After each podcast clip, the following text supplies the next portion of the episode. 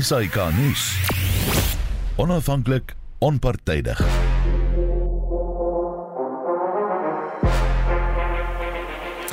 Welkom by Kommentaar vanaand aan die eerste lekker koue naweek vir die herfs- en winterseisoen.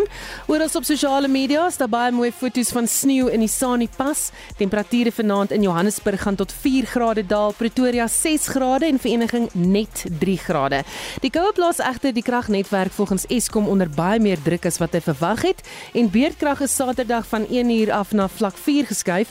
Dis weer verander Sondagoggend na vlak 2 toe met die belofte dat vlak 3 teen 5 uur vanmiddag tot 10 uur vanaand maand ingestel sal word. Eskom se Sikunati Matshansha verduidelik. A generating unit each at the Duva and Camden power stations were taken offline for repairs. Currently, there is 4,000 megawatts that is on plant maintenance. Another 14,500 megawatts of capacity is unavailable due to breakdowns. Groot probleme by Eskom. My gaste vanaand is die dekaan van die skool vir innovasie by die Huguenot College op Wellington, professor Erwin Swela. Goeienaand Erwin. Goeienaand Susan, goeienaand luisteraars. Dr Oscar van Heerden, 'n politieke ontleder en adjunk fisiekanselier van die Fort Heer Universiteit. Goeienaand Oscar. Goeienaand Susan, goeienaand luisteraars. En François Strydom, voorsitter van die Landbou Sakekamer Ekbus en die bestuurshoof van Senwes. Goeienaand François. Goeienaand Susan, goeienaand luisteraars. My klankregisseur in die ateljee is Daitrin Godfrey en ek is Susan Paxton. Kom ons begin dan ook vanaand met ons kragkrisis. Die woordvoerder van Eskom, soos ons nou gehoor het, is Sikonati Matshansha, verduidelik wat die probleem regtig is, 'n bietjie langer wat hy daar uitbrei oor. Since yesterday afternoon, a generating unit each at the Arnott, Henrina, Tutuka, and two units at the Litabo power station were returned to service.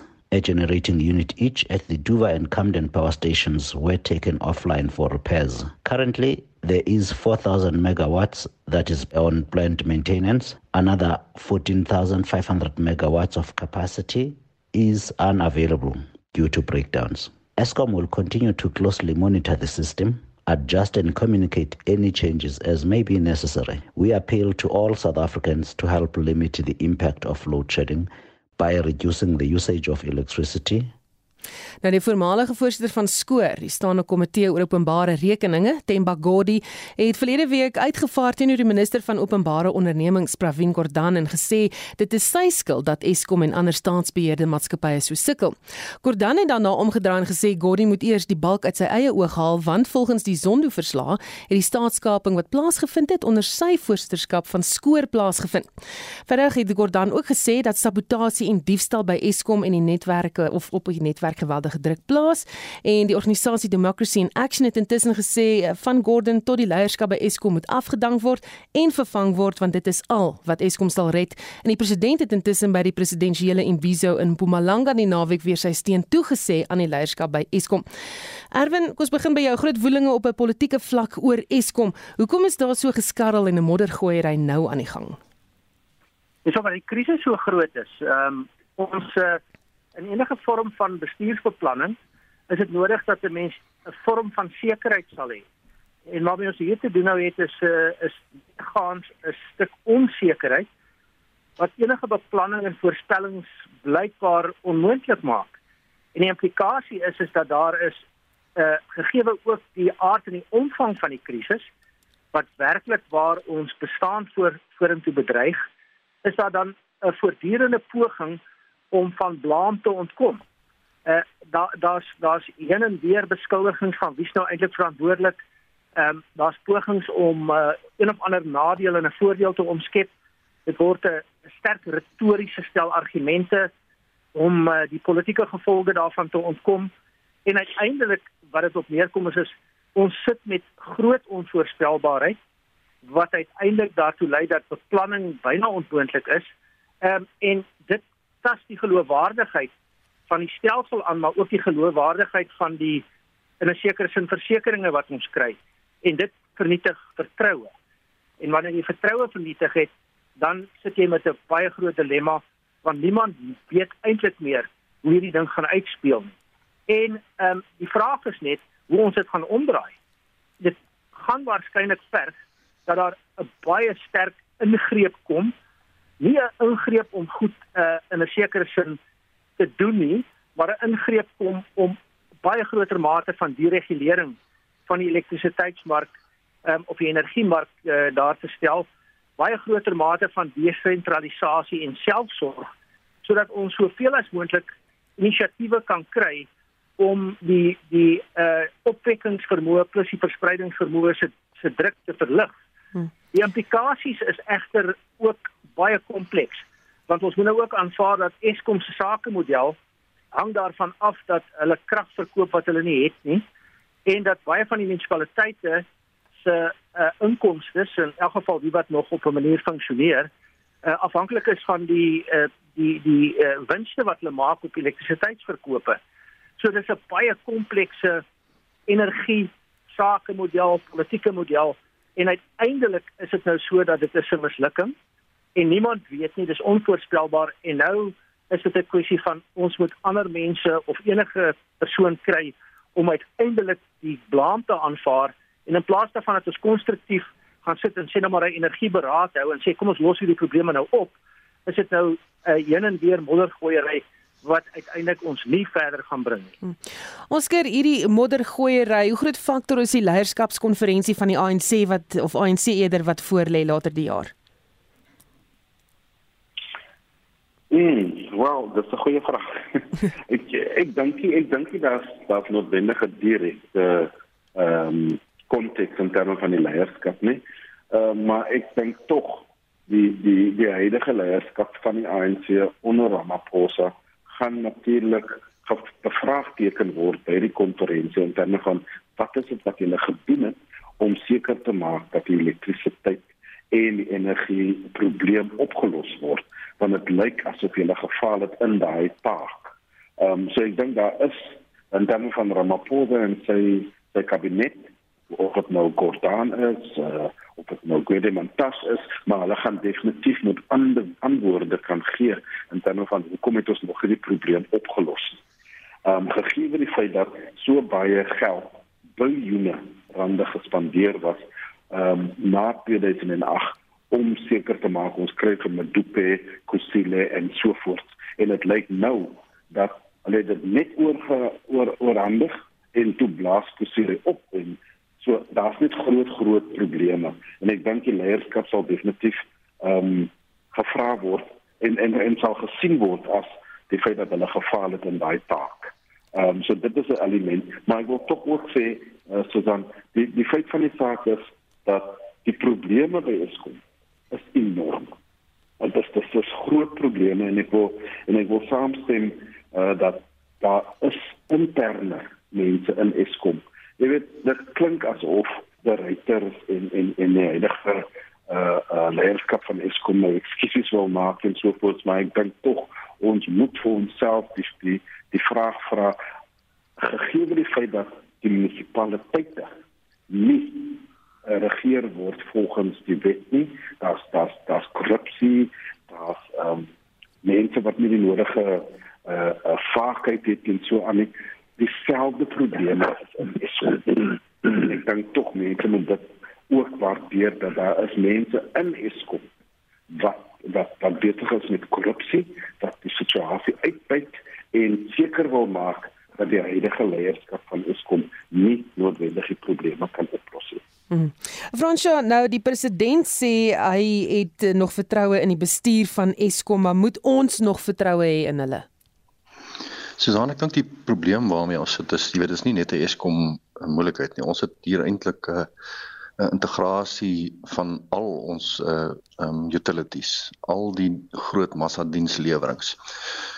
En dit uh dit maak dat uit 'n sake oogpunt, jy weet ons 'n um, geweldige komplekse uh, probleem het. Ons sukkel met die baie netwerk, die spoornetwerk, die hawens en dan nou nog Eskom boop dit en al eintlik al die staats ehm um, jy weet entiteite wat uh, feitelik disfunksioneel geraak het onder 'n uh, politieke bestel wat ek dink ehm um, jy weet dis die een ding wat Suid-Afrikaners verenig is is hulle ontevredenheid met uh, met wat aangaan want ons kan bloot net nie meer funksioneer nie.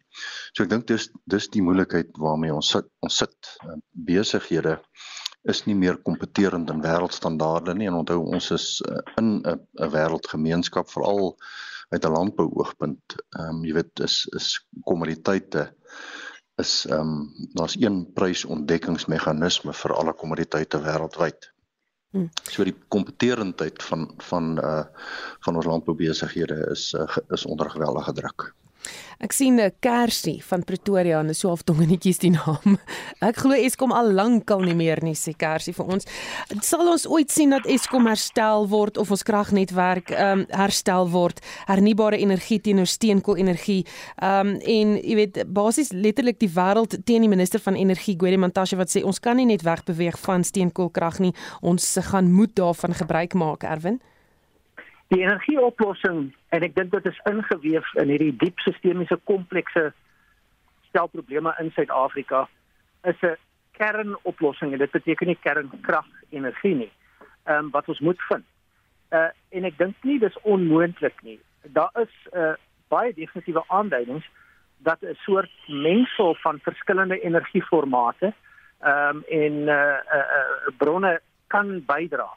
Die belangrike ding is egter dat ons sal moet kom by 'n situasie waar ons konstruktief en deurlopend sistematies aandag gee aan hierdie probleme op 'n manier wat nie deur ideologie beïnvloed word nie. Dat die ideologie van sentralisasie, die ideologie van ehm, 'n um, bepaalde siening oor oor oor aanstellings, die die die ideologie wat eintlik tot 'n baie groot mate ons land se besluitneming dryf, dat ons van daai goed ontslaa raak dat ons veel meer pragmaties raak dat ons ingestel word op oplossings. Ehm uh, die die probleem is dat daar se heeltyd 'n poging om iemand te kry om die skuld op te pak eerder as om die probleem op te los. En ek dink ek gaan herhaal dat ons dit nodig dat daar 'n behoorlike ehm um, in Daba gehou word. Die president verwys uh, baie gereeld en ek dink dit is 'n goeie punt wat hy maak. Ons moet baie meer sosiale kompakte maak um, en ons moet gaan sit en sê wat kan ons op 'n plaaslike vlak doen? Uh hoe kan ons byvoorbeeld 'n plaaslike dorp se energie vergelyking uh herbedink uh innoveer om die woord te gebruik om uiteindelik die maksimum geleentheid te gee vir selfskepping. Daar is al 'n klomp tegnologiese oplossings, daar is bestuursoplossings, maar daai tegnologiese oplossings is nie massiewe gesentraliseerde of die bestuursoplossings is ook nie massiewe gesentraliseerde benaderings nie. Dis al hoe meer devolusie en desentralisasie. Maar dit gryp in op die ideologie van sentralisasie en 'n poging om alles te beheer. Hoe gouer ons op een of ander manier 'n pragmatiese siening kry van dinge wat werk en dit laat werk op 'n pragmatiese wyse, hoe beter gaan dit vir ons wees. So dit is nie onmoontlik om die energievraagstuk te hanteer nie. Ehm um, dit gaan 'n klomp denkwerk en doenwerk vereis maar ons moet by mekaar kom 'n konsensus daar rondom bou op 'n of ander manier dan voortgaan om dit konstruktief te hanteer eerder as om mekaar te blameer vir die probleme. Hm. Goed, ek gaan nou aanbeweeg na die volgende tema, die die ander groot nuus die afgelope ja. Eh uh, Susan, as ek kan. Hm, gaan gerus uh, voort Oscar. Ek, ek wil ook tog sê daar is 'n nog 'n element en dit is die private sektor. Behalwe die alternatiewe eh uh, eh uh, energie. Daar's ook 'n uh, kwessie van ons moet hou by die plan om om Eskom op te breek in drie verskillende afdelings en om dan publiek private vennootskappe in in daai drie afdelings te hê want ek dink daar is nou 'n uh, ruimte vir die private sektor om in te kom en om oor te vat in terme van Eskom. Hmm. Fransjo, jy so laaste gedagte oor Eskom? Ja, ek stem saam met Erwin, jy weet ons het ons sit met 'n eintlik maar met 'n ideologiese probleem um eintlik 'n ou um politieke stelsel wat lankal bewys is dat dit dat dit nie werk nie sosialisme en en soveel voorbeelde daarvan in die wêreld. Um en ons jy weet ons het net baie meer sakegerigte en gemeenskapgerigte oplossings nodig want ons het die kapasiteit in Suid-Afrika dit dit dit ontbreek nie ons het geweldige goeie mense materiaal ons het goeie grondstowwe. Ehm um, en ons kan die probleem op 'n privaat basis oplos. Ons sal later in die gesprek wanneer hier oor gemeenskappe praat en ook die sosiale kompakte waarna Erwin verwys het. Jy weet, ek dink die die oplossing lê ook ehm um, binne daai konteks. Hm. Goed, dan die ander groot nuus die afgelope week was die student van Maties wat op 'n medestudent se lesenaar geïrineer het. In mediaberigte wou die student nie regtig om verskoning vra na die voorval nie en is daar klagtes gelê by die polisie. Die twee studente, Babalo en Dwanyana, en teenste Toy se ouers sou na bewering ook met mekaar gepraat het om 'n vreedsame oplossing te vind tot die voorval, maar Dwanyana se ouers het dit later op Facebook ontken en gesê hulle is van plan om die klagtes end uit te dryf en hulle seun se menswaardigheid te herstel. Intussen het die Universiteit van Stellenbosch aangekondig dat die eksamens wat maandag sou begin uitgestel is tot die 30ste Mei uit simpatie en weens die Verenigde Studente Leierskapskorps op die kampus wat aangedring het daarop. Nou hier is wat professor Deresh Ramjugarnath, die visierektor leer en onderrig gesê het hieroor. All student leadership structures including the Student Representative Council and student societies had met as a group on Thursday evening. The request for the assessment and examination rescheduling emerged from this meeting and was presented to the university on Friday morning. The student leadership had understood that not everyone had been affected to the same extent over the last week, but agreed that all students had been impacted. Oscar, jou indrukke en gedagtes oor wat hier by hierdie kursus gebeur het en alles wat daarna gevolg het.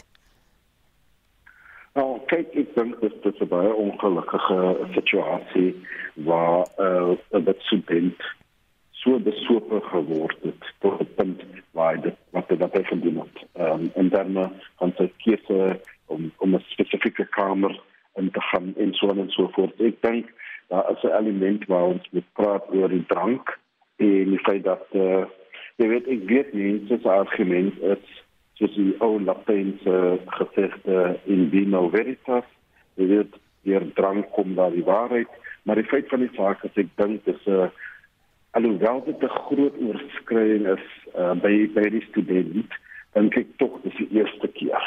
En jy weet ek is van die ek is van die mening dat uh, hy moet natuurlik 'n uh, sekere mate van dissiplinêre kry um, van die universiteit, miskien sê hy moet huis toe gaan vir 'n vir 'n paar maande om te dink oor die kwessie, maar ek dink tog dis 'n jong dis 'n jong student. Um, ek dink op hierdie stadium het hy sy les geleer.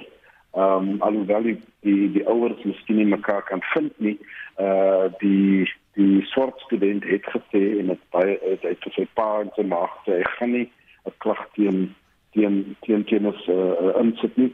Ek dink hy was onder druk geplaas om tog daai klag in te sit. Ehm um, en ek dink dit is ongelukkig.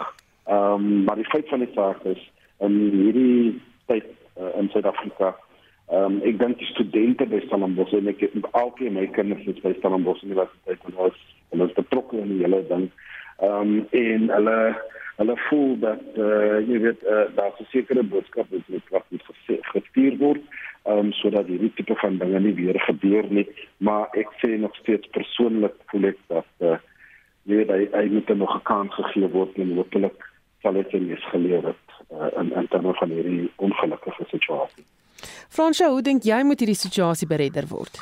Susan, dit is ehm um, jy weet 'n ongelukkige voorval en eintlik tragies en en eh, die groter ehm um, aspek vir my is dat ons jy weet insidente het en ons dan insidente ehm um, jy weet bestuur terwyl hier 'n baie groter normalisering van gemeenskappe nodig is.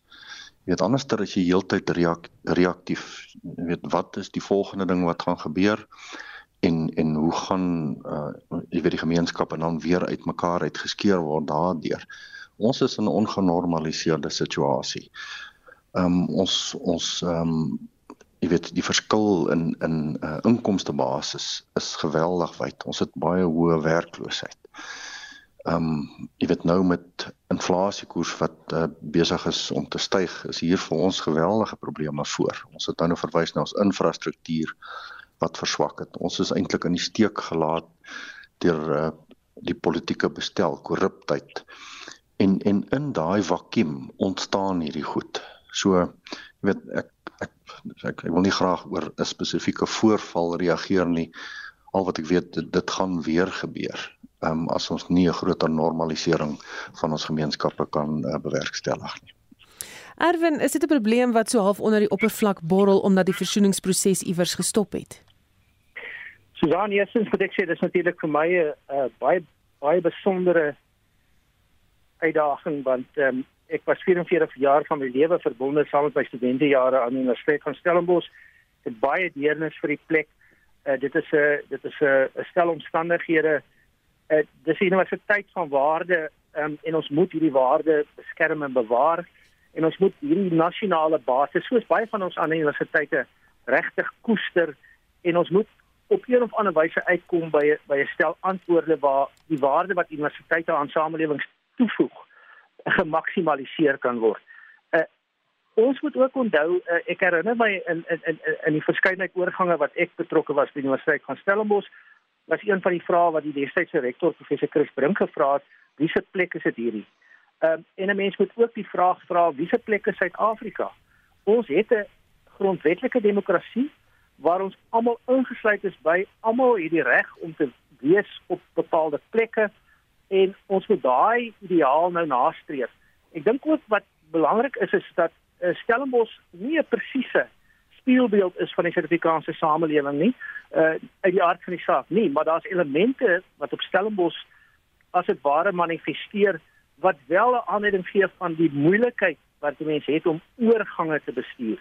Uh ons almal in instellings, kyk maar na die al die instellings. Um, ons ons kan uh die radio neem, ons kan uh 'n kerkinstellings neem, ons kan sake instellings neem. Ons almal het 'n idee dat ons 'n begeerde toekoms wil hê en dat dit 'n beter toekoms moet wees. Ons almal het hierdie idee dat um, ons die transformasionele ideale het van 'n beter samelewing, 'n begeerde toekoms. Die vraag is hoe bestuur ons van hier tot daar? En ek dink ons het eintlik baie definitief die die moeilikheidsgraad van die bestuur van oorgange het ons onderskat. Ek dink daar moet baie meer werk gedoen word aan om mense toekomsgereed te maak en ook werk gedoen word om mense Eh, te kry om te verstaan dat hierdie oorgange is uiters moeilik. Dit is 'n diverse samelewing. Ons het 'n bepaalde geskiedenis en uiteindelik moet ons almal aanvaar dat die plek is ons plek. Ons moet die plek 'n beter plek maak. Ehm um, en in die proses dink ek is daar 'n voortdurende proses gaan leer. Ons gaan nog meer sulke voorvalle sien. Veral so skaarsheid toeneem. Veral soos die mededinging vir minder goedere en dienste toeneem. So ons sal maniere moet vind om lerende leierskap toe te pas om voortdurend vrae te vra oor wat gebeur in ons samelewing. Hoekom gebeur ons? Hoekom gebeur dit? Hoe kan ons dit verklaar? Wat is die lesse wat ons hieruit kan leer? Hoe kan ons daai lesse dan terugbou in die stelsel om die stelsel deurlopend te probeer verbeter sodat ons almal hierdie plek, ons plek Suid-Afrika, ons plek die Universiteit van Stellenbosch, ons plek ons plaaslike gemeenskap en gemeente, ons plek ons plaaslike skakelondernemings inklusief kan maak en sê dat ons konstruktief kan meewerk daaraan. En in die proses gaan daar slagoffers wees. Daar gaan pyn wees. Daar is op hierdie stadium pyn. 'n Mens het begrip vir al die kante van die saak, maar dis dilemma's hierdie wat uitspeel as gevolg van diep sistemiese vraagstukke en ons kan nie oppervlakkig daarmee omgaan nie. Ons sal deurlopend en werklik deur dag moet gaan sit en dink hoe ons hierdie samelewing wil inrig om vir ons almal hier 'n vredesame en 'n volhoubare toekoms te skep. Hm. Hier's 'n luisteraar wat sê waarom word die ras van die Irineder so uitgebasyn maar van die verkragter se ras hoor jy niks. Ons wil dit ook graag weet. Natuurlike voorval weer eens by Maties. Ehm, um, verkrachting wat plaasgevind het in 'n kos. Sy's nou gewoonlik as joernalis, uh, weet ek dat die slagoffers gewoonlik beskerm word. Dit gaan oor daai identiteit van daai slagoffer is 'n baie baie sensitiewe kwessie en daarom sou daar tipies nie name bekend gemaak word nie van of die slagoffer of wie ook al betrokke was nie. Ehm um, so ek vermoed dit is wat hier gebeur net in antwoord op die luisteraar, maar die verkrachting wat plaasgevind het is ook eintlik 'n baie erge kwessie wat nou in dieselfde asem genoem word as die rassevoorval. Moet dit nie eintlik as 'n vreeslike kwessie in sy eie reg behandel word nie, Oscar, want dit is so asof dit so half in die skadu van die rassedebakel val en die werklike probleem onder die mat ingevee word. Nee, presies. Ek stem saam. Uh die die, die een het niks te doen met die ander. Ehm um, jy weet ja, ek sou vir ek kon leer by die universiteit en ek kan toe sê daar palle uh insidente wat gebeur. Ehm um, en jy weet op die, op die een kant is daar inbraak hier of nog iets word gesteel daar. Daar was 'n kwessie van bekleerery uh, uh gisteraand of dit op dat in aanranding en natuurlik ook verkrachting en so voort. So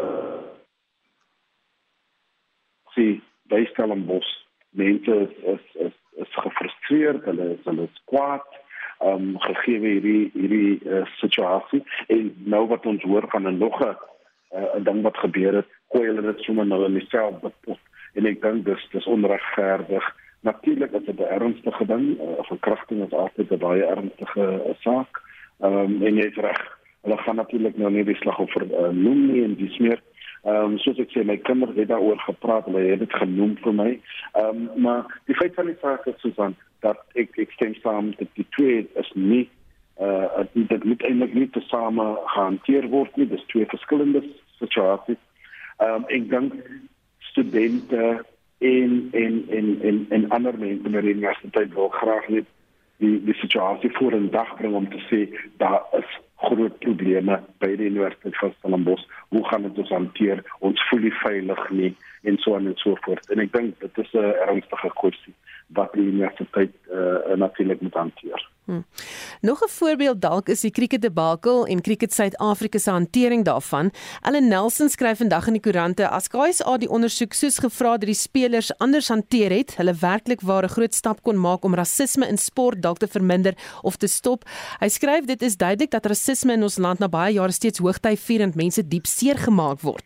Hy skryf ook dat daar is die wat voel maar wat die mense op plase of wat van die mense op plase wat so wreed vermoor word, waar is die stemme daarteen en die die wil om dit te stop.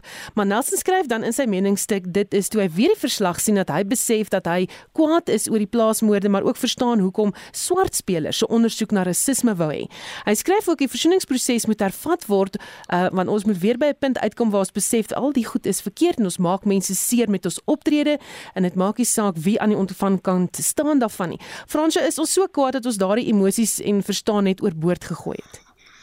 Ja, Susan, ek dink uh, jy weet die probleem is dat dit kom nou by sekere instellings uh, kom die uh, voorval voor by Universiteit van Stellenbosch of by Cricket Suid-Afrika, maar, maar dit is iets wat eintlik van jy, jy weet of vroeër afkom. Dit kom ons nou van die ouer huise waar bepaalde persepsies gevestig word, waar daar instellings en houdings gevestig word. Ehm um, dis ongelukkig dat dit daar gebeur en dan word al die aandag op die op die spesifieke instansie geplaas. Maar dat Suid-Afrikaners kwaad is, ehm um, is ongetwyfeld so. Jy weet as gevolg van van hierdie verskeurde jy weet verlede wat wat ons het en dat daar 'n dieper liggende versoening nodig is in die land. Ehm um, wil ek definitief meer saamstem. Ons ons sal ander prosesse en deurlopende prosesse moet kry om dit te normaliseer. Ek wil net die laaste punt dan daarom rondom maak, uh, Susan. Ek dink ehm um, die die sentrale en ehm um, amper van bo af gedrewe proses werk nie. Ehm um, gemeenskappe het die vermoë onderling om baie vinniger en baie prakties ehm um, by oplossings uit te kom. En daar is ook ander leiers wat daar te voorskyn kom. Dis nie leiers met status um en met 'n politieke kaartjie nie. Dis eerder mense wat ander kwaliteite het. Vermoë, diens uh, dienswilligheid, um um werk, harde werk, eerlikheid. Dis die leiers wat ons op plaaslike vlak sien wat te voorskyn kom wanneer daar gemeenskappe is wat werk en ons het baie voorbeelde daarvan. Nou president Cyril Ramaphosa was die afgelope naweek in Carolina wat in die Gert-Sibande distrik munisipaliteit val as deel van die presidensiële imbizos wat hy deur die land gaan neem. Hy was reeds in die Vrystaat en in Noordwes. Die idee is om plaaslike regeringsstrukture op provinsiale en munisipale vlak met die gemeenskappe te laat versoen weens die grootskaalse diensleweringprobleme wat heers. Hier is 'n uittreksel van sy toespraak. If they fix roads and certain things because the president is coming it means ukuthi the money is there. So why did they not do it earlier? Kusho ukuthi kunobuvila kunokuthi abantu abafuni ukusebenza they don't want to do their work. Now we must start asking ourselves ukuthi do they really belong in the job that they are doing? President Cyril Ramaphosa. Erwin kan ons al sien of die dienslewingsprobleme verbeter het in die plekke waar die president reeds was. Die dienslewingsprobleme in daardie plekke as gevolg van 'n vorm van ehm uh, uh, wat in Engels genoem word window dressing sal verseker verbeter. Die president verwys ook daarna. wanneer die president op pad is, dan is daar 'n oplewing en probeer mense as dit ware die beeld skep dat hier tog iets aan die gebeur is. Maar diep liggend en sistemies is dienslewering op plaaslike owerheidsvlak in Suid-Afrika al vir 'n hele aantal jare en ehm um, dit is dit word bewys met uh, met getuienis vanuit die ouditeur-generaal se verslae uh uh, uh, uh selfs uit die departement samewerkende regering se verslae self. Um, en die groot verskeidenheid plaaslike owerhede selfs metro-owerhede wat onder administrasie geplaas is dat dienslewering op plaaslike vlak is absoluut rampspoedig. Ehm uh, daar is uitsonderings waar dit relatief goed gaan en dit kan dan nou ook baie maklik verpolitiseer word. Ehm um, ons wil eintlik sien dat daai uitsonderings deur alle politieke partye uh geslaag sal wees om uiteindelik plaaslike regering te te verbeter. Ek dink ook 'n mens moet sê dat plaaslike regering het nodig om herdink te word. Ehm um, ons gaan die einde van die jaar uh in November Desember 'n konferensie hou um, by hiergenote by my skool uh, vir sosiale innovasie. Ons wil wil gaan kyk na gemeenskapsgebaseerde plaaslike regering en ons wil die ontleding doen en ons wil gaan kyk watter aksies ons kan kan neem en ook watter aktivisme ons kan uiteindelik bedink. Want dit is belangrik om te sê dat ons betaal reeds vir plaaslike owerheidsdienste. Terselfdertyd is daar 'n groot aantal inisiatiewe, onder andere deur ehm um, meneer Barend Legrandsie en 'n klomp ander inisiatiewe om te sê hoe kan ons uiteindelik self begine dienste lewer op plaaslike vlak? Ek dink selfs ons ons ons uh, uh goeie landboukundiges werk daaraan. Ons weet nou by Nampo was dit ook ter sprake die hele idee van hoe ons die klein dorpe kan kan neem en uiteindelik die ontleding doen, die aksies beplan en dan ook aktivisme kry. Dis belangrik weer eens om te sê dat die dat die ideologiese denke van sentralisering, die ideologiese denke van alles van bo af wil bestuur werk nie. Terselfdertyd het ons 'n dilemma want op plaaslike vlak is daar dikwels nie kapasiteit nie. Maar ons sal moet gaan kyk na produktiewe professionele modelle van gemeenskapsgebaseerde plaaslike regering waar daar devolusie en desentralisasie is waar mense 'n verantwoordelikheid vir hulself kan aanvaar en as hulle plaaslike owerheid hulle faal dan moet hulle die regte vorm van aktivisme kies wat uiteindelik beteken dat daar 'n spektrum van moontlikhede is. Neem die plaaslike owerheid hof toe. Ons het dit gesien by Ketsling dit het tot 'n mate gewerk um, en soms werk dit ook nie. Tot aan die ander kant dat jy op 'n of ander manier 'n uh, vorme van dienslewingsproteste moet hê, nooit gewelddadig nie, altyd op 'n vredesame manier, maar ons sal hierdie hele stelsel moet herbedink en ek dink weer eens, um, ons ons praat nie genoeg met mekaar nie. Ons is geneig om uh, die hele tyd te sê die ander is verantwoordelik vir ons probleme. Terselfdertyd kan ons op plaaslike owerheidsvlak eintlik veel beter doen kom ons gaan nou maar weer terug en ek gaan nou nie die die die die gesprek herhaal nie, maar daar is plaaslike energieoplossings wat met goeie plaaslike tegnologie volhoubare energie kan lewer solank ons die regte bestuurstrukture in plek kry. Dus ons plaaslike regering op hierdie stadium is 'n falende regering. Dis waarskynlik byna 'n mislukte regering um, en 'n mislukte staat in bepaalde opsigte, maar terselfdertyd kan ons dit nie toelaat nie en ons sal 'n projek moet kry om samewerkend, medeskepend, genootskaplik hierdie probleme dorp vir dorp, stad vir stad te gaan aanspreek en dan laaste punt hier nie na mekaar vinger te wys en, en te sê maar jy's eintlik die verantwoordelike persoon en dan net terug na die rasse argument in Suid-Afrika word ras die verstek opsie. Ons sê dan jy is eintlik nie goed nie want jy is nie die regte ras nie, laat ons dit maar vir mekaar sê. Ons moet wegkom van daai soort denke en sê waar is die konstruktiewe innoverende denke om nuwe benaderings te vestig gebaseer op wat gebeur hier hoekom gebeur dit? Wat kan ons uit leer en hoe kan ons leer terugbou in die stelsel? En dis die soort antwoorde waarna ons ook onder andere by ons konferensie wil gaan soek Nou soos jy gesê die week is Nampo Oesdag weer gehou eerste keer in 2 jaar en dit was duidelik aan gesprekke daar dat die gesprekstemas eh, fokus verskuif het van mense wat bang is hulle grond word onteien na mense wat drasties moet optree om landelike herlewing te laat gebeur en om infrastruktuurverval um, en uh, te keer en dienslewering weer te laat herleef. Fransjo, hoe belangrike rol gaan die landbousektor speel om dienslewering dorpies uh, weet of dienslewering in dorpies weer op dreef te laat kom? Ja, Susan, dit is eintlik maar die landbou en die waardeketings binne landbou wat uh, uh, veral die uh, plattelandse gemeenskappe aan die gang hou. En ons het uitstekende voorbeelde van uh, waar dit werk, maar ongelukkig ook uh, baie voorbeelde van waar dit nie werk nie. Ek dink die die punt is, jy weet, as as as die autoritaire kapasiteit die of die geloofwaardigheid van autoritaire stelsels afwesig is, dan laat dit altyd ruimte vir hierdie etniese vervreemding en dan jy weet verval dit in 'n argument van vingerwys jy doen dit jy kan nie dit doen nie en net jy kan dit doen. Ehm um, en dit dis maar weer terug na die uh, element van normalisering van gemeenskappe. Ek dink uh, wat ons in in die kleinste dorpies weer 'n keer moet verstaan is dis ons dorp die polisiestasie in daai dorp is ons polisiestasie, die treinstasie, die poskantoor.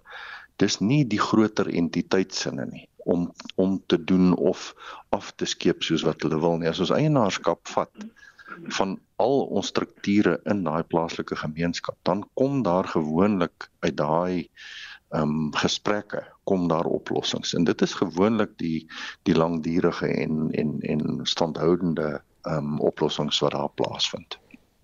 Oscar, um, is die Imbizos genoeg of moet Ramaphosa strenger optree teen sy regeringsamptenare?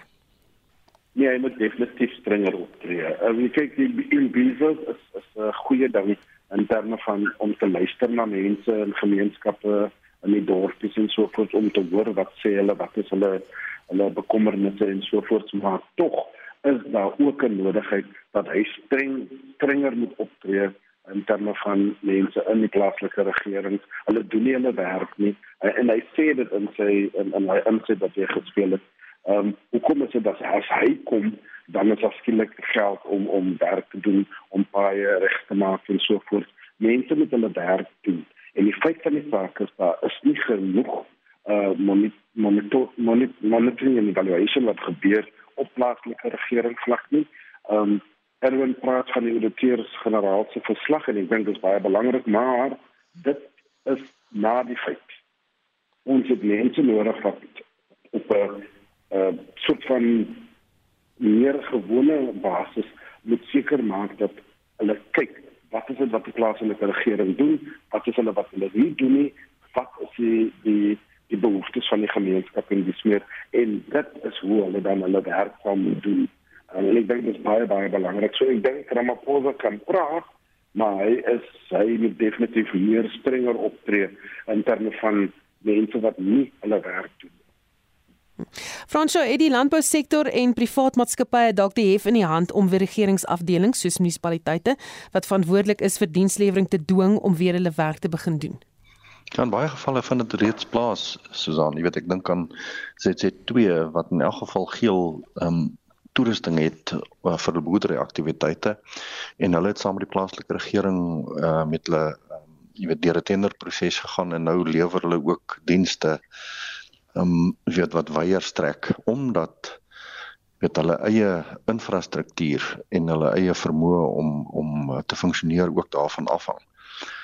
Ehm um, gaan ek dink jy weet voorbeelde soos Senekal ehm um, nou Kroonstad is waar gemeenskappe ehm um, jy weet die vermoë het om saam oplossings te vind. Ehm um, wat ons nie moet doen nie is in daai proses om die provinsiale en nasionale regering ehm um, jy weet soort van van die hak af te laat kom nie. Uh want want dit is mos nou 'n baie gemaklike uh jy weet instelling. Die geld belasting word betaal ons kry almal salarisse en ons jy weet ons sit by die huis en ons ons doen niks nie ons doen nie ons ons ons deel nie want die gemeenskap doen nou sy deel. So daarom moet die plaaslike regering, die nasionale regering moet of provinsiaal moet ingetrek word sodat ons die situasie kan normaliseer. Besighede kan nie aangaan nie. In hierdie geval boere besighede kan nie aangaan om die sekuriteitsoplossing en ook die padoplossing. Jy weet en elke ander oplossing te bied in sy gemeenskap en dan nog ook die besigheid van die dag te doen nie dit is dit is net uh, bloot nie volhoudend uh, en en en uh, jy weet dit kan nie uh, lankdurig so voortgehou word nie. Dan kan ek net kan ek net een ding sê. Ek dink tog een van die wetgewings wat moet verander is die feit dat salarisse van plaaslike regering werkers moet sentraal betaal word in terme van die nasionale tresourier en nie in die deel van die begroting van die van die munisipaliteit nie. Want ons sien nou op by met sekere munisipaliteite is hulle so korrup. Hulle steel so geld dat hulle die salarisgeld ook steel.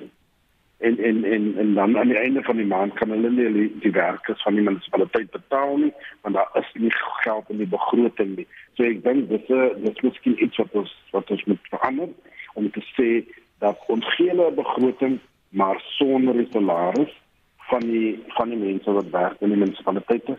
Dit sal sentraal betaal word in terme van die tresourier ek dink dit is een van die dinge wat ons kan verander. Dan selfs die 100 meter 22 miljoen rand se vlag is bespreek in Carolina tydens die Imbizo. Ramaphosa wat sê maar die regering het nou geluister na die publiek en die projek is nou vir eers 'n bietjie lyk like dit my op ys. Erwin die publiek was regtig kwaad oor hierdie vlag. Ja, en nou is hulle kwaad vir die minister want uh, hy word die as dit ware die die, die gesig van hierdie besonder ehm um, ongelukkige besonder ongelukkige onderneming. Ehm um, maar as jy uh, so 'n bedrag geld wil goedkeur, uh, is daar prosedures wat uh, gevolg word vanuit die departemente loop deur 'n uh, stel prosesse om uiteindelik by die kabinet goedgekeur te word. Ehm uh, en ons moet aanvaar dat so 'n bedrag op een of ander manier moes of binne die departement of binne die kabinet selfs goedgekeur gewees het en die vraag ontstaan dan jy weet hoe kom ons by hierdie onsinnighede uit ehm um, uh, is daar uh, en, en Oscar wys reg daarna dat die hele idee van monitering en evaluering daar's 'n spesifieke departement binne die presidentskap vir monitering en evaluering ehm um, wat voortdurend eintlik na hierdie goed behoort te kyk en te help om te sê maar jy weet wat wat se lesse moet ons nou leer uit uh sulke soort van gebeure.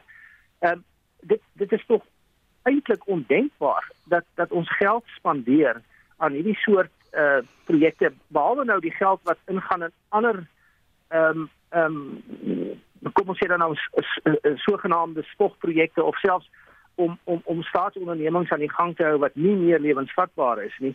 En dat ons voortgaan om hierdie spandering goed te keer en op 'n of ander manier kan 'n mens nou sê ja die die die die, die minister uh word hier tot verantwoording geroep uh, maar terselfdertyd moet ons die vraag vra daai besluite wat onder andere in die kabinet geneem word en wat daar tog baie definitiewe insig moet wees in die groter problematiek van ehm um, finansiering hoe regverdig jy 'n uh, 'n vlagpaal van van wat se 22 miljoen rand as jy uh, by by plekke situasies het wat kinders in pittoilette verdrink by skole.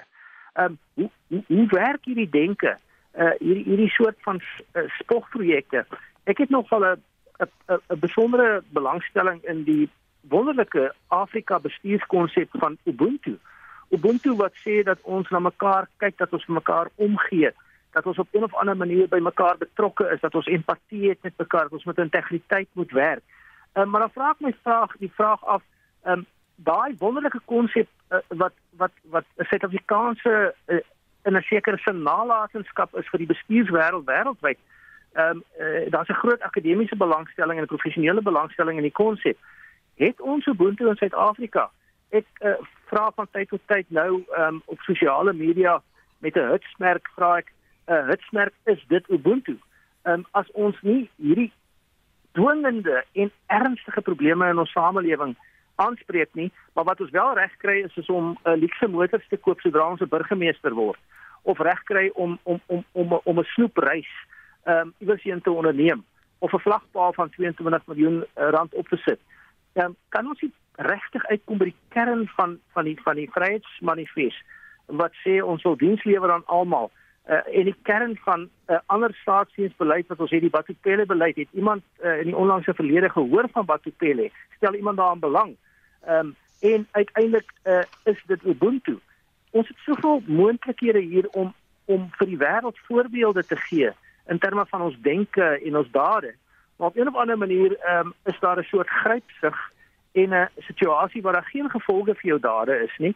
En uh, uiteindelik 'n ontkenning van aanspreeklikheid en allerlei soort van uh, wat ons amper sê ehm um, wonderlike drome maar wat nie op 'n of ander manier gaan realiseer nie. Ons moet realisties raak ons moet professioneel raak, ons moet minder ideologies wees, ons moet begin produktief raak en ons moet gevolge hê as as daar nie behoorlike optrede is nie. Oscar gepraat van gevolge, daar is toe nou ook 'n besprekingsdokument eh, van die ANC wat daarop dui dat volgens die ANC se eie trajecte en modelleringsmodelle voorspel hy dat die party in 2024 se verkiesing minder as 50% van die steun op homself kan verenig. Verdoemende verslag uit sy eie geleedere, reg?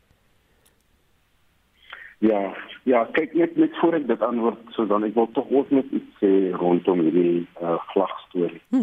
Ehm, um, jy weet ek sê nie ek sê nie noodwendig ek ek stem saam met met uh, 22 miljoen vlagpale en 'n vlag nie. Maar ek ek ek jy weet daar is iets wat my bietjie bekommerd en dit is die die die selfde tipe van argument wat sê uh byvoorbeeld die regering moet nie noodwendig geld spandeer op wapens nie of militêre uh, toerusting uh, want hulle kan soveel meer huise bou of hulle kan soveel meer geld beskikbaar maak vir armoede uh, in die land en so voort. En ek dink dat ek, ek ja, soos ek sê, ek het 'n bietjie twee van oor hierdie storie. Ek sê nie ons moet noodwendig 'n vlagpaal en 'n vlag van 22 miljoen rand gaan gaan bou nie of of gaan uh, doen nie, maar ek ek dink tog ons is op dun ys rondom uh, prioriteite want verskillende departemente moet verskillende dinge doen jy weet waar waar waar gaan argument heen? Want gedurende die COVID pandemie het, het dieselfde minister ook gesê hulle gaan daar miljoene rande beskikbaar maak vir ons ehm uh, um, ons singers en ons uh, artists en so voort want hulle het nou geen uh, manier om in in inkomste in inkomste te te te, te kry nie en so voort. Is dit geld wat ons net in in 'n gat ingooi uh, en so voort of kan ons iets beter gedoen het met daai geld? Ek ek dink altyd ons moet 'n bietjie versigtig wees om daai argumente voor in dag te bring wat sê kom ons doen die regte ding. Want die regte ding is natuurlik in the eye of the beholder. Wat is die regte ding? Uh, want aan die einde van die dag as ons uh, jy weet uh, ook die land wil bevorder of of uh, as ons uh, uh, uh, uh, uh, dan sou sy 2010 sokker wêreldbeker uh, um, uh, wêreld uh, de uh, de wil hou. Um daar sekere dinge wat ons moet betaal voor wat ons moet seker maak want ons sit die land voor voor dit uh, in in en so aan. So ek dink dit is dit is baie dit is nice dis al wat ek sê. Um so so ja. Maar maar op jou vraag en dan van die ANC ja definitief daar is daar is 'n uh, uh, gesprek in 'n dokument wat sê Montekrele minder as 50% in die involgende verkiesing. En ek dink soos hulle nou die ANC gaan nou na hulle um, beleidskonferensie toe. Daar's daar's talle dokumente wat hulle op die op die tafel gaan sit. Hulle gaan natuurlik ook praat oor die resolusies wat hulle gevat het in 2017 uh, by Nazareth uh, hoe ver is ons met dit in terme van die landkwessie en terme van die reservebank uh, en talle ander. Um, en ek dink die die ding van die ANC oor die jare is dat wanneer dit kom by verkiesings ek dink ons kan ons kan almal ooreenstem hulle hulle lieg nie vir hulle self nie. Hulle vertel nie vir hulle self leuns nie. Hulle hulle hulle hulle kyk die situasie aan. Hulle sê dit is die situasie op die grond. Ehm um, daar's 'n groot probleem in terme van staatskaping korrupsie die feit dat baie mense dink die ANC is 'n kriminele uh uh uh, uh organisasie en so voort en hoe gaan hulle dit aanspreek om seker te maak dat hulle natuurlik weer eens meer as 50% gaan kry in 2024 en ek dink die dokument probeer om die feite op die, op die op die tafel te sit en te sê hier is 'n probleem hoe gaan ons dit oplos?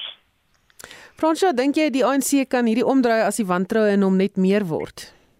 Ek dink die praktiese ervaring wat mense op die platteland het, Susan, is dat jy weet politiek en politieke aanstellings um, in in owerhede op plaaslike vlak in elk geval is ehm um, dit het 'n werk geraak, dit 'n manier van inkomste geraak van iemand wat andersins glad nie 'n werk sou gehad het as gevolg van jy weet of integriteit of vermoë nie.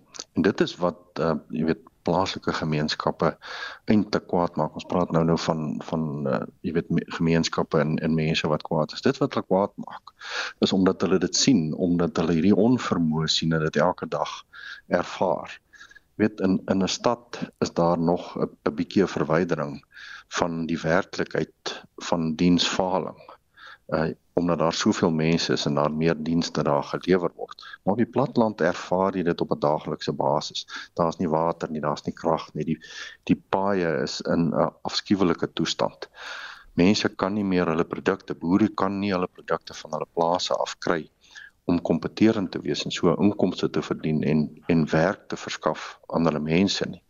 Die ANC het het het um, ek ek dink jy weet hierdie um, vakuum geskep waar mense nou self ehm um, wil inklim en dit self doen en absolute wantroue in die in die regering ontwikkel het en en nie sonder uh, reg nie.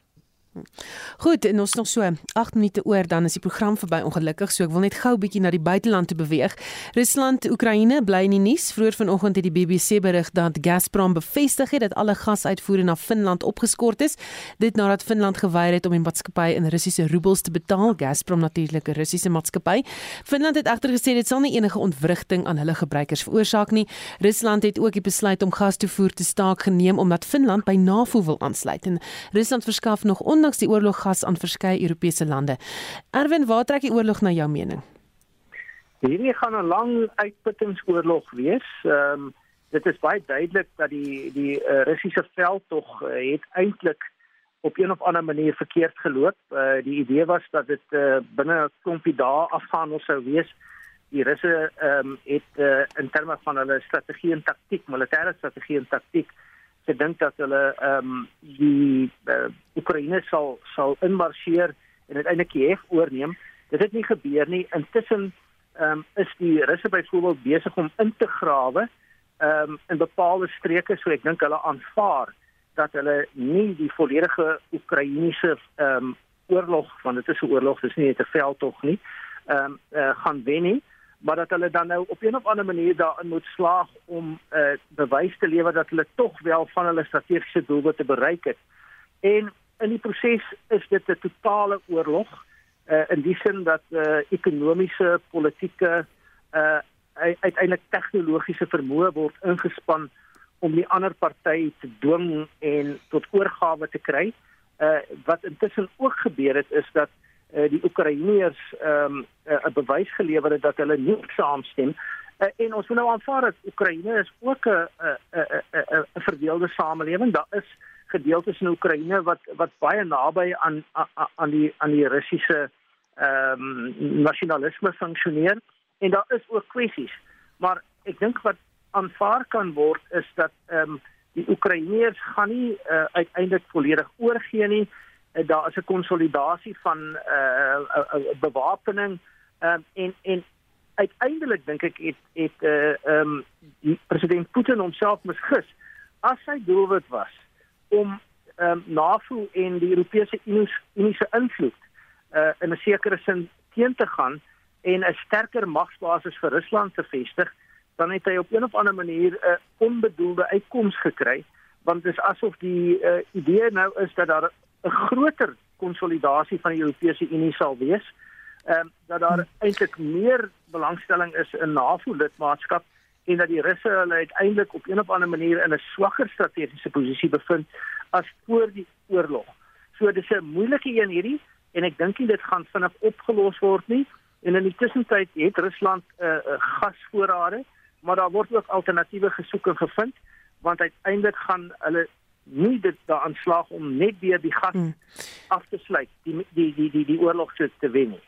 Oscar, jou gedagtes oor waar ons trek met hierdie oorlog? Ek hoor wat Erwin sê, maar ek wil tog sê dit is nie met ander vir my. Um, ek dink dat uh, Rusland is in 'n baie baie uh, sterk posisie. Ehm um, gegee word die feit kyk as ons kyk na Sirië. Kom ons gebruik Sirië as 'n voorbeeld. Amerika is in hulle bom versterre hulle daar vir die hele aantal jare hulle kan nie vir 'n uh, uh, saad uitkry nie hy bly in bewind um, en so en so voort. Dis is dieselfde situasie met Oekraïne en Rusland. Daar is nie 'n manier waar Rusland terug gaan staan nie. Die die feit dat die Amerikaners en uh, die EU dink hulle gaan deur sanksies uh, gaan hulle vir Rusland tot op sy sy sy sy knie bring, gaan nie gebeur nie. Ehm um, die die feit van die saak is ja, uh, die die Europe, die European Union kyk nou na verskillende opsies toe, maar dit gaan jare vat. As ons net een land vat soos Rusland, uh, skiet Duitsland. Duitsland is verskriklik uh afhangende van uh die Russiese gas. Um, in terme van hulle publieke vervoer, hulle gebruik gas oral in die land en so aan.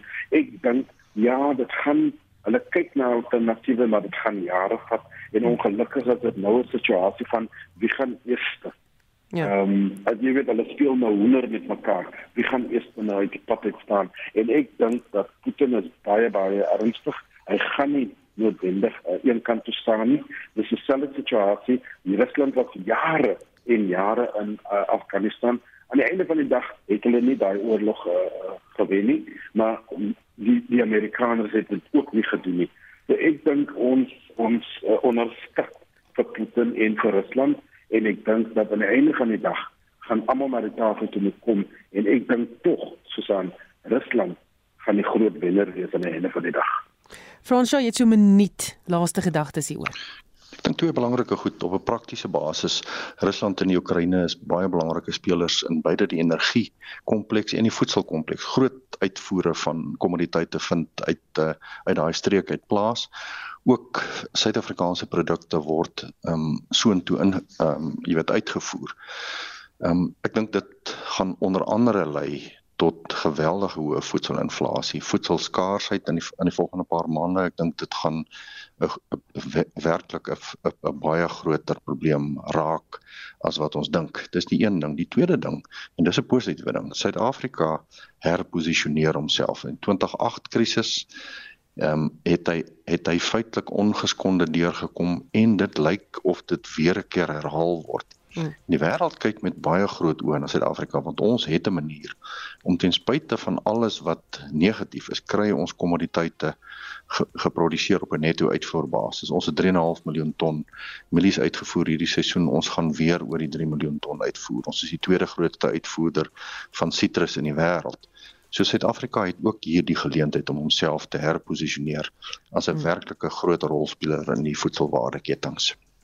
En dit dan was kommentaar. My gaste vanaand soos jy gehoor het Frans Strydom voorsteur van die Landbou Sakekamer Ekbus en die bestuurshoof van Senwes Dr Oscar van Heerden 'n politieke ontleder en adjunk fisiekanselier van die Fort Hare Universiteit en die dekaan van die skool vir innovasie by die Huguenot College op Wellington professor Erwin Schwella